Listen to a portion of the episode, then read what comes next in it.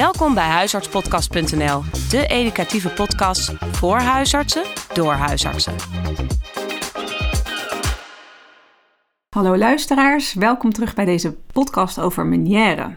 Nou, jullie hebben als het goed is de casus zojuist gehoord van Sylvia Schouten. Uh, zij als uh, patiënt heeft helemaal uitgelegd ja, hoe het werkt, wat je voelt. Maar nu hebben we ook uh, Tjasse Bruintjes aan de telefoon. Hallo. Hallo, hi.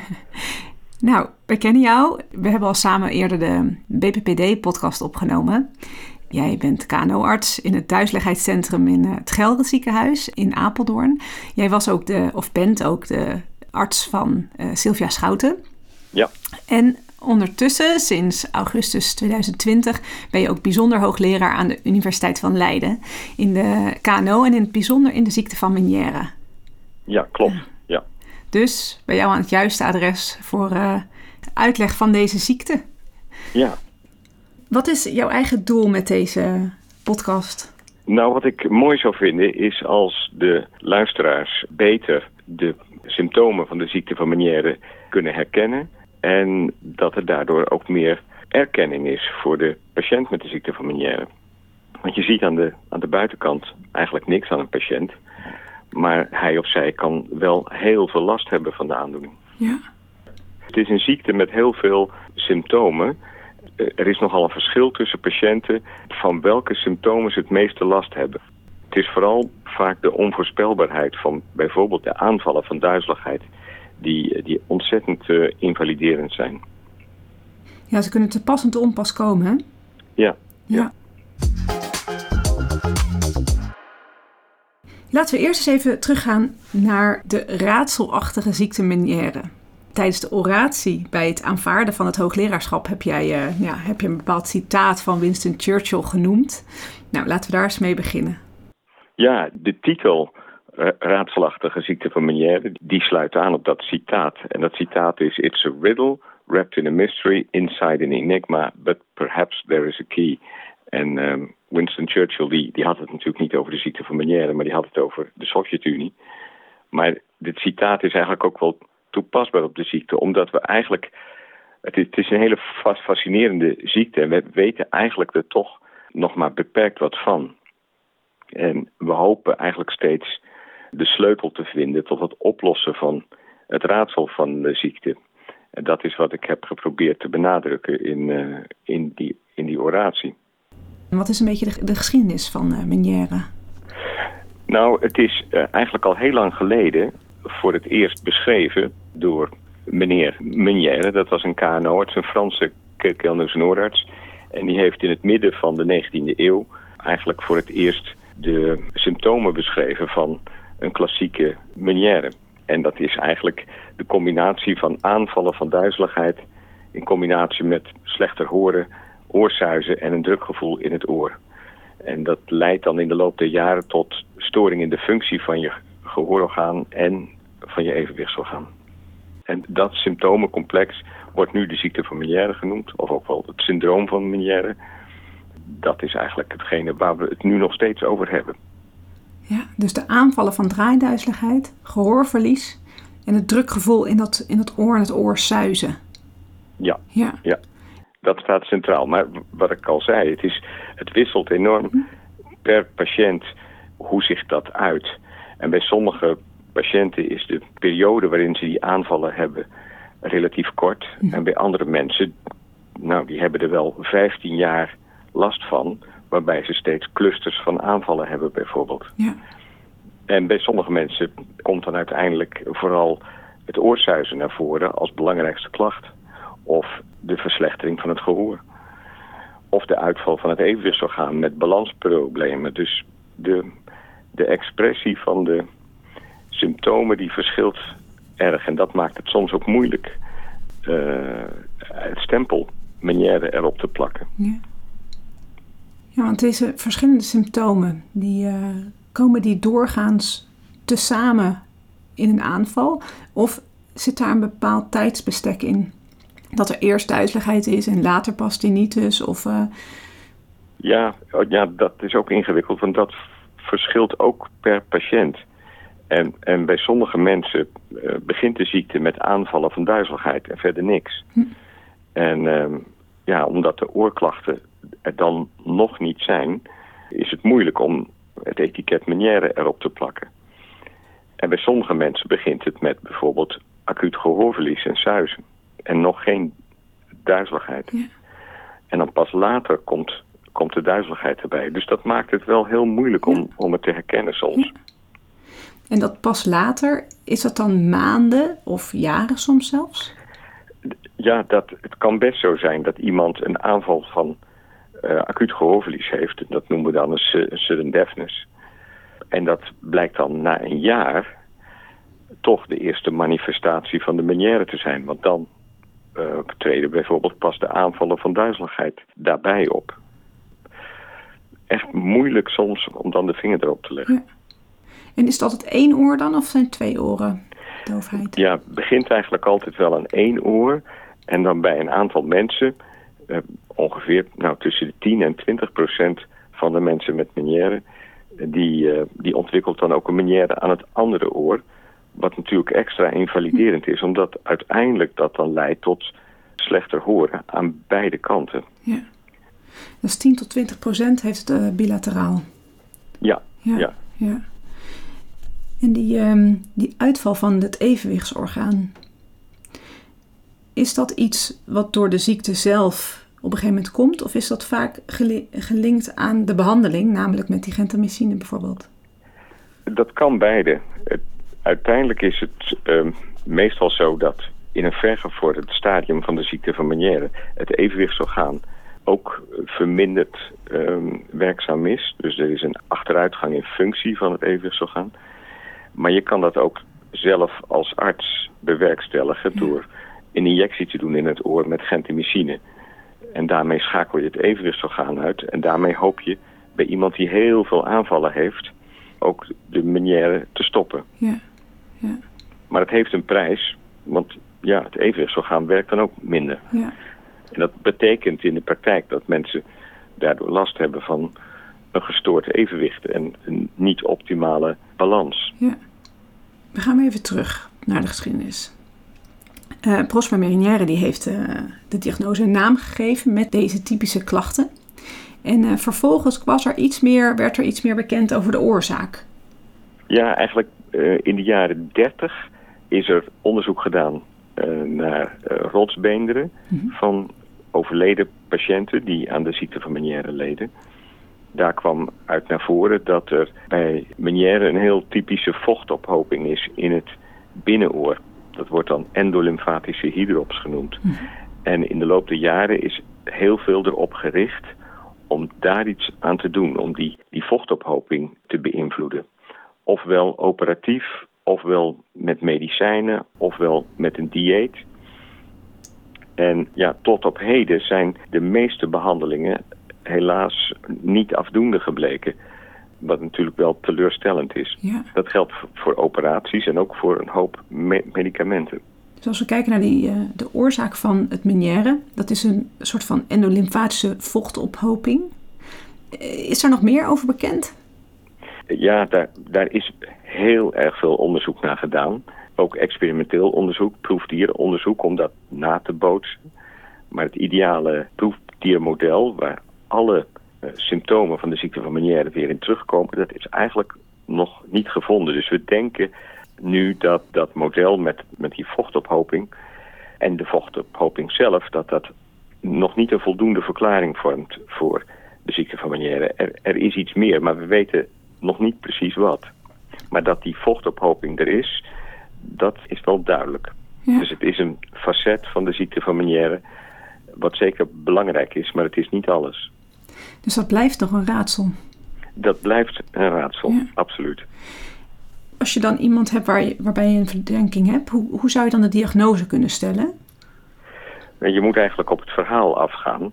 En als iemand de combinatie heeft van de aanvallen van duizeligheid en oorsuizen en een verminderd gehoor, dan, ehm, ja, het eerste waar je dan aan moet denken is aan de ziekte van Meniere.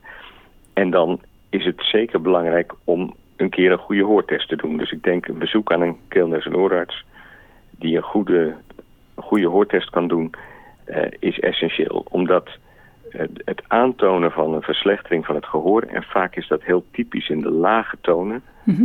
Dat is een voorwaarde voor het stellen van de diagnose. Ja. Dat is eigenlijk het enige. Er is geen, zijn geen andere testen die nodig zijn om de diagnose te stellen. Nu had eh, Sylvia het ook nog over eh, de, de watertesten met een bepaalde temperatuur. Hoe heet het ook alweer? Ehm, Het calorisch onderzoek. Kijk. Ja. En eh, is dat dan nodig? Draagt het bij? Het draagt niet bij tot het stellen van de diagnose. Daarvoor is het ook niet nodig. Maar als je een verklaring zoekt voor de balansklachten van de patiënt... en je wil ook aantonen dat er een verminderde functie is van het evenwichtsorgaan... dan kan het wel heel zinvol zijn om te doen. En als iemand veel klaagt over een probleem met het bewaren van zijn evenwicht... dan kan dat ook een reden zijn om daarvoor naar de fysiotherapeut te gaan...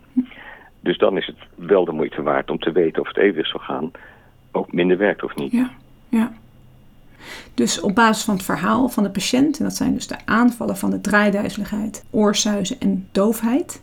Ja. Waarbij de doofheid ook buiten de aanvallen is, denk ik, of niet? Ja, eh, vaak is het zo dat de doofheid ontstaat bij iedere aanval. Dat er daarna een klein beetje herstel is van het gehoor. Maar dat het uiteindelijk zo is dat in de loop der tijd het gehoor achteruit gaat. Dus bij iedere aanval lever je iets van het gehoor in. Dat is eigenlijk het klassieke beeld. En bij mensen die ehm, in de eindfase zijn van hun ziekte van Meniere... is het meestal zo dat ze blijven hangen op een bepaald gehoorverlies van zo'n 50 decibel. Dat is best veel. Dat is echt een behoorlijk slecht gehoor.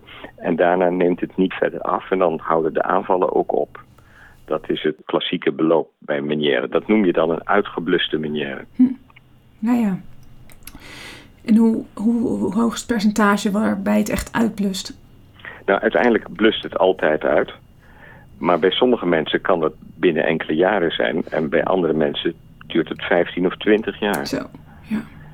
Dus daar is, uh, daar is moeilijk iets over te zeggen voor wat betreft de individuele patiënt. Ja. En, en dat is ook weer zo moeilijk, de onvoorspelbaarheid. Dat is moeilijk voor een patiënt om daarmee om te gaan natuurlijk. Je weet niet of je de ziekte nog, of die nog jaren actief is, of dat die al aan het uitdoven is. Ja. En nu vertelde Sylvia ook uh, dat ze bij de eerste KNO-arts was geweest en die uh, stelde de diagnose BPPD. Is er nou uh, toch vaak een verwarring tussen? Is het lastig om daar een verschil tussen te maken? Dat is een hele goeie, want BPPD komt meer voor bij mensen die de ziekte van Meniere hebben. Oh ja? Um, ja, dat heeft ook waarschijnlijk te maken met het feit dat ja, er is iets aan de hand in dat oor. Er is schade aan dat oor. En die, die schade die uit zich ook in die kristallen die op de otolietenmembraan liggen. Mm -hmm. Die kunnen makkelijker loslaten en BPPD veroorzaken. Dus het, de BPPD-manière komt vaker voor. En dat betekent dat uh, soms die klachten een beetje door elkaar kunnen lopen. En als je een bekende manière patiënt hebt die bij je komt en die zegt ik heb weer zo'n last van mijn duizeligheid, ben je natuurlijk geneigd om te denken, oh dat is een opvlamming van de manière. Maar het kan heel goed zijn dat die, die patiënt dan net niet last heeft van zijn manière, maar van BPPD. Wat belangrijk is om te weten, omdat je BPPD weer kan behandelen met zo'n Epley-manoeuvre. Ja. En... Dus het is soms, um, ja, uh, kan het een beetje in elkaar overlopen. Nou, lastig. Ja. Want dan is het nu, uh, lijkt me heel lastig ook om bij, uh, bij Sylvia. Um, die heeft nu dus toename van klachten. Nou, die is weer herstart. En dan is dus eerst zaak om een eventuele BPPD misschien uit te sluiten voordat er... Absoluut. Uh, ja. Absoluut. Want die, die, die zou je eerst moeten behandelen ja. met een, met een Epley-manoeuvre. En dat zou al de klachten kunnen oplossen. Ja. Maar als het natuurlijk een opvlamming is van de manière, ja, dan helpt een, een, een Epley-manoeuvre niet. Ja, ja. En dat weet je gauw genoeg, want dan doe je de Epley en dan... Uh... Ja, als de Epley negatief is en als je het heel goed uitvraagt, dan zal je zien dat natuurlijk bij BPPD de, de duizeligheidklachten heel typisch met bewegingen te maken hebben, zoals omdraaien in bed en Ja. gaan liggen in bed. En dat ze heel kort, kortdurend zijn. Ja. Uh, en dan weet je al snel, nou dan, is het, dan wordt het al onwaarschijnlijk dat het een, een manier is. Maar dat moet je wel specifiek even uitvragen. Ja, dus eigenlijk anamnestisch kan je al goed genoeg onderzoeken... is dit nou een opvlamming van de meniere of gaat het om een BPD? Ja, daar kom je een hele eind. Ja, ja. ja. Ja en nu vertelde Sylvia ook dat ze, even terugkomend op de BPPD-podcast... Ehm, dat zij meerdere malen per dag thuis de Eppli-manoeuvre nog uh, kon doen... om ja, eigenlijk haar vermeende BPPD te behandelen. Dat idee van thuis doen, uh, wat vindt u daarvan? Um, nou, dat kan zinvol zijn bij mensen die daar handig in zijn... en die zelf kunnen bepalen wat de aangedane kant is... En die uh, nou goed de stappen van de Appli-manoeuvre kun, kunnen volgen. Ja. Uh, dat is vaak wel moeilijk, omdat het toch uh, wel enige ervaring vergt om die Appli goed uit te voeren. En goed de snelheid van de bewegingen te volgen. Goed te wachten tussen de verschillende stappen. de juiste kant te kiezen. Dus voor een hoop mensen is het toch wel ingewikkeld om dat zelf te doen. En als je in je omgeving een fysiotherapeut of een, een andere zorgverlener hebt die dat goed kan, heeft het in het algemeen de voorkeur om het te laten doen. Ja, oké, okay, helder. Nou, even zijpaadje. Gaan we weer terug naar Meniere. Uh, we hebben het over het slechter, uh, slechter gehoor. Tegen de tijd dat het uitdooft dat er dan 50 decibel gehoorvermindering is. Vooral in de laagtonen. Hoe heftig is dat gehoorverlies? Kan je daar gewoon een gesprek mee volgen, voeren nog? Of, uh... Nee, Nee, nee. Nou, het, is de, het gehoorverlies in de lage tonen is vooral in de beginfase mm -hmm. van de aandoening. En dan geleidelijk aan krijg je over alle frequenties, laag en hoog, zo'n verlies van ongeveer 50 decibel. En dat is een verlies waar je eigenlijk um, uh, toch wel een hoorapparaat erg bij nodig hebt. Ja. Da, da, dat is niet een gehoorverlies waar je goed mee functioneert zonder hulpmiddelen. En een gehoorapparaat dat uh, heeft dit probleem ook op, ook bij meniere patiënten? Voor een deel, want heel veel meniere patiënten hebben last van problemen met het uh, spraakverstaan en ook vervorming van geluid. Dus een, een hoorapparaat wordt niet altijd als heel ideaal ervaren door patiënten met de ziekte van Meniere. Het is echt wel gecompliceerd om een goed hoortoestel aan te passen. En dat is ook de reden dat de meeste mensen met Meniere die een hoorapparaat nodig hebben... ook in een audiologisch centrum gezien moeten worden. Hm. Dus niet gewoon bij de hoortoestellenwinkel... maar echt in een audiologisch centrum... waar ze heel specifiek dat probleem kunnen aanpakken. Ja.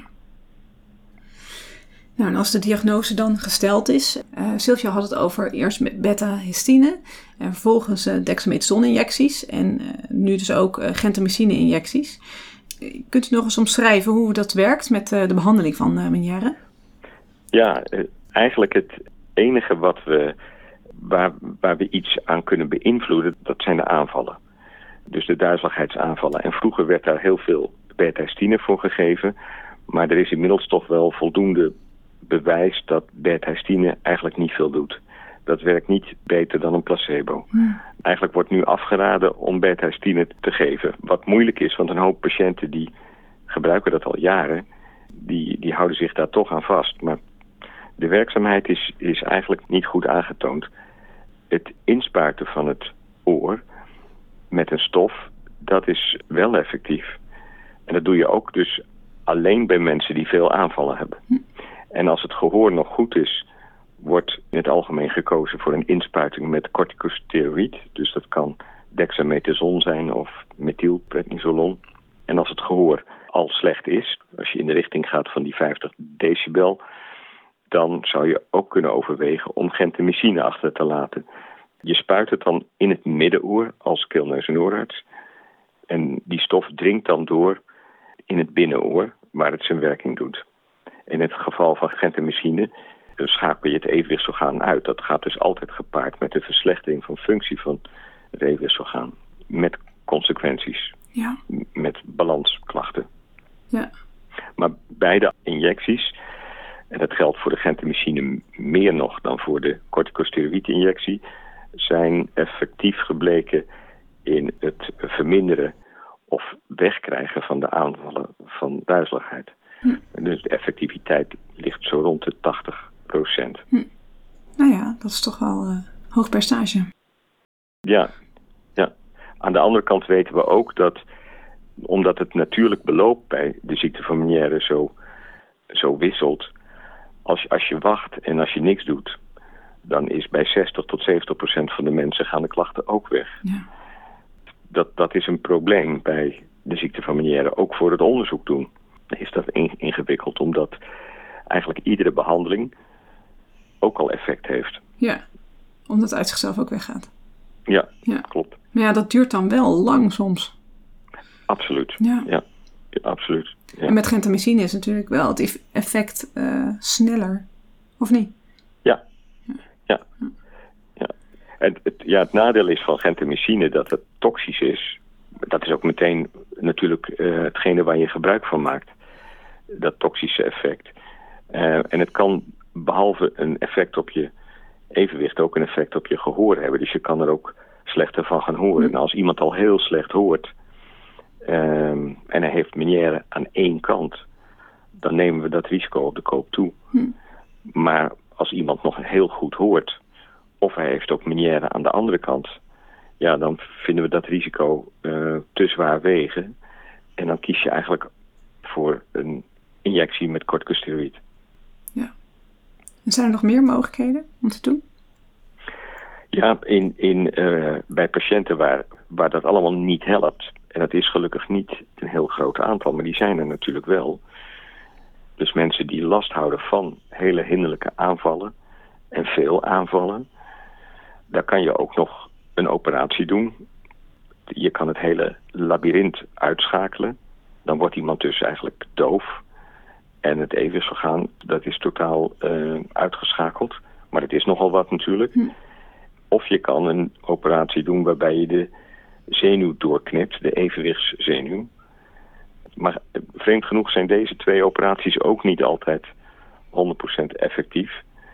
Zelfs bij zo'n operatie is er nog een, een klein percentage mensen wat toch nog last houdt van aanvallen. Hardnekkig zeg, zo. Ja. Ja. En er loopt op dit moment een studie waarbij een eh, alternatieve operatie wordt onderzocht.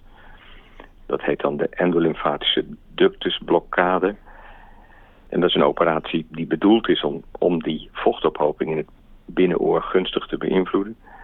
En er loopt op dit moment een trial in Nederland om te kijken of die operatie eh, mogelijk effectiever is dan de gebruikelijke operaties. Misschien een klein sleuteltje. Misschien een heel klein sleuteltje, ja. Ja. En wat is nog verder belangrijk in het behandelen? Wat vooral belangrijk is, is om de patiënt serieus te nemen en support te geven. Want iemand met de ziekte van Meniere kan daar relatief weinig last van hebben, maar een heleboel patiënten hebben er heel veel last van. En de, de onvoorspelbaarheid van de aanvallen en de ernst van de aanvallen kan behoorlijk invaliderend zijn, kan ook consequenties hebben voor of je kunt blijven werken of niet. Ja. En dat zijn allemaal aspecten die wel aandacht verdienen bij, ehm, ja, in de begeleiding van een patiënt met Meniere. Ja. Ja, en dan is die erkenning zo belangrijk, hè? Dat het echt zo verschrikkelijk invaliderend werkt, die ziekte. Absoluut. Ja. Ja. Terwijl je eigenlijk, ja, iemand komt binnen en je, je, ziet, je ziet er niks aan. In ieder Nee, geval, dat- eh, het, sommige mensen zal je af en toe ja, wat misstappen zien maken, maar... eh, Nee, klopt. Dat is helemaal waar. Je ziet aan de buitenkant weinig. En dat, eh, ja, dat, dat draagt in het algemeen niet bij aan, aan erkenning voor de klachten van de patiënt. Maar het, is absoluut een, het kan absoluut een invaliderende aandoening zijn. Ja, ja eh, Sylvia die noemde ook in het begin ging zo naar folder de deur uit over Meniere en dat was het. eh, terwijl het eigenlijk eh, ja, is een eh, slecht nieuwsgesprek wel op zijn plaats. Ja, zeker.